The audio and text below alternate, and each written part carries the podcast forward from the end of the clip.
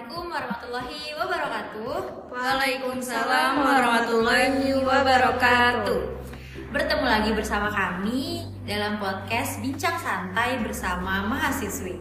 Nah kali ini saya Nur Sofia Hasan ditemani oleh dua rekan saya yaitu Syafira Nurrahmania dan Miftahul Atika. Baik, uh, di podcast kali ini kami akan membahas mengenai keluarga impian semua pasangan, yaitu keluarga sakinah, mawaddah, dan juga warohmah. Nah, pertanyaan yang pertama, kira-kira biasanya di kehidupan bermasyarakat sering kali kita mendengar orang-orang mendoakan pengantin baru dengan doa Semoga sakinah mawadah warohmah. Nah, kira-kira apa sih arti dari sakinah mawadah warohmah? Keluarga sakinah adalah keluarga yang berawal dari rasa cinta atau mawaddah, lalu berkembang menjadi kasih sayang atau rahmah dan uh, sehingga uh, terciptanya kehidupan dan kedamaian di dalam hidup atau sakinah. Lalu selanjutnya saya akan menjelaskan tentang sakinah mawaddah warahmah secara lebih detail. Uh, sebelum saya beranjak ke sakinah, saya akan menjelaskan terlebih dahulu tentang mawaddah dan juga warohmah.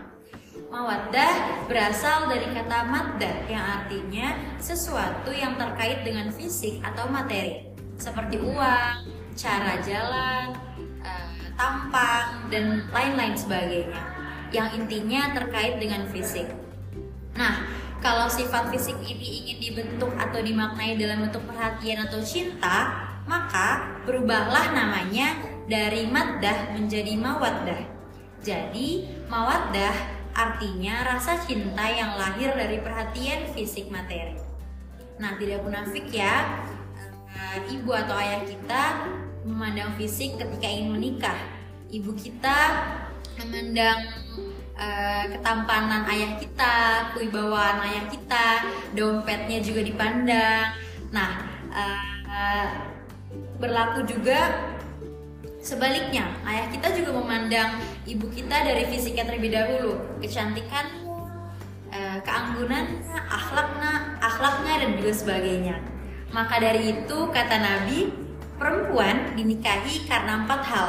Yang pertama ada li jamaliha, yang artinya karena parasnya, karena cantiknya, karena tampannya.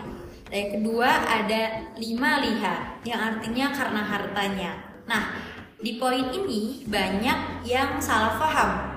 Yang dimaksud maddah uh, mal dalam hadis ini bukan berarti tampilan kekayaan atau kemiskinan dari seseorang.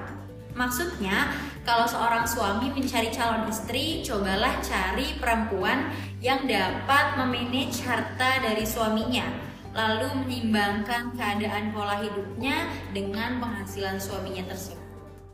Nah, Lanjut yang ketiga ada linasabiha yang artinya nasab, keturunan dan juga pendidikan. Yang terakhir adalah akhlak lidiniha. Nah, ini merupakan maddah yang paling penting atau bekal yang paling utama. Uh, maddah akhlak lidiniha ini dilihat dari perilaku keagamaannya. Contohnya seperti sopan santunnya, akhlakul karimahnya, tutur katanya, dan juga sholat lima waktunya. Nah, di dalam akhlak di dunia ini uh, contohnya itu ada uh, suami yang mengajak sholat istrinya. Uh, lalu ketika ingin membaca Quran, suami juga membaca, uh, suami juga mengajak istrinya dan juga tilawah bersama-sama. Nah, ini adalah mawaddah yang paling berkesan uh, di antara suami dan juga istri dalam berumah tangga.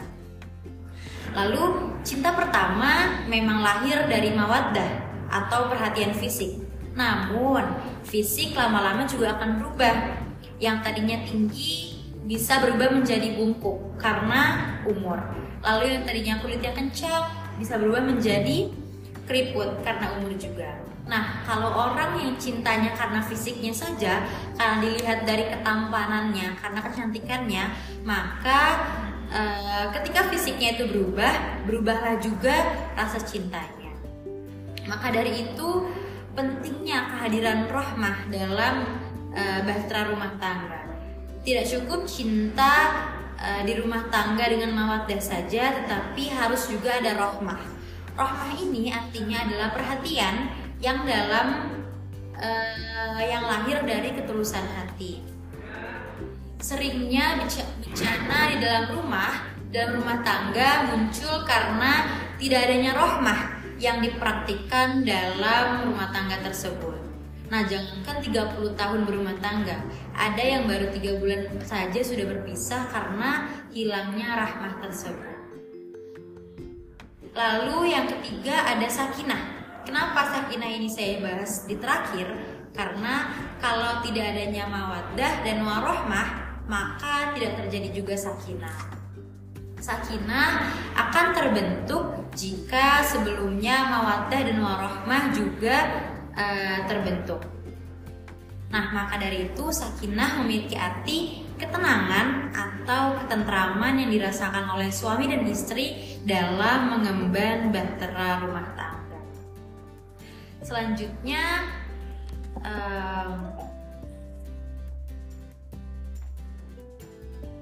kira-kira bagaimana sih cara untuk membangun uh, sebuah keluarga menjadi keluarga sakinah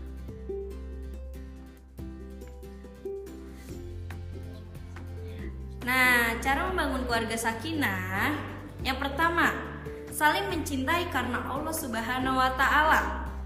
Yang di mana perasaan cinta kepada pasangan hendaknya dilakukan bukan karena fisik ataupun harta.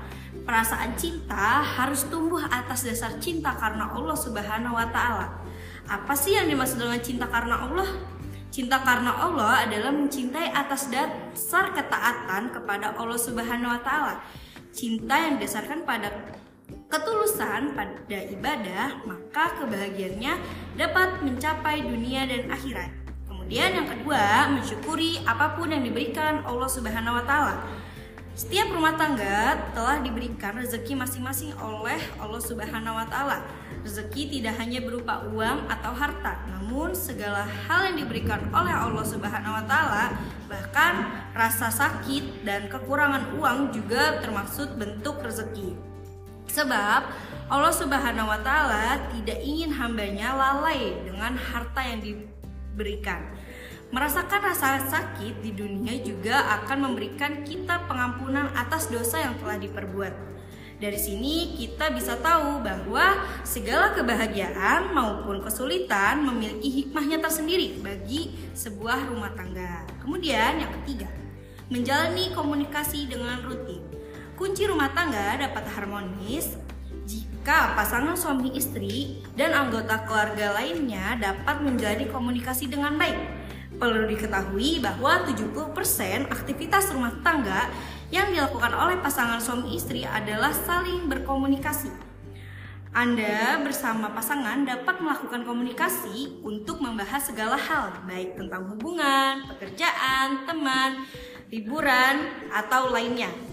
Oleh karena itu, komunikasi sangat penting dilakukan oleh uh, rumah tangga yang dapat sakinah. Yang kemudian yang keempat, sadar dengan tugas dan kewajiban masing-masing. Setiap anggota keluarga pasti memiliki peran dan fungsi masing-masing. Uh, kalau bisa suami dan istri melakukan tugas dan kewajiban yang seimbang. Suami hendaknya tidak hanya bekerja di luar, namun juga membantu pekerjaan rumah agar istri tidak kewalahan.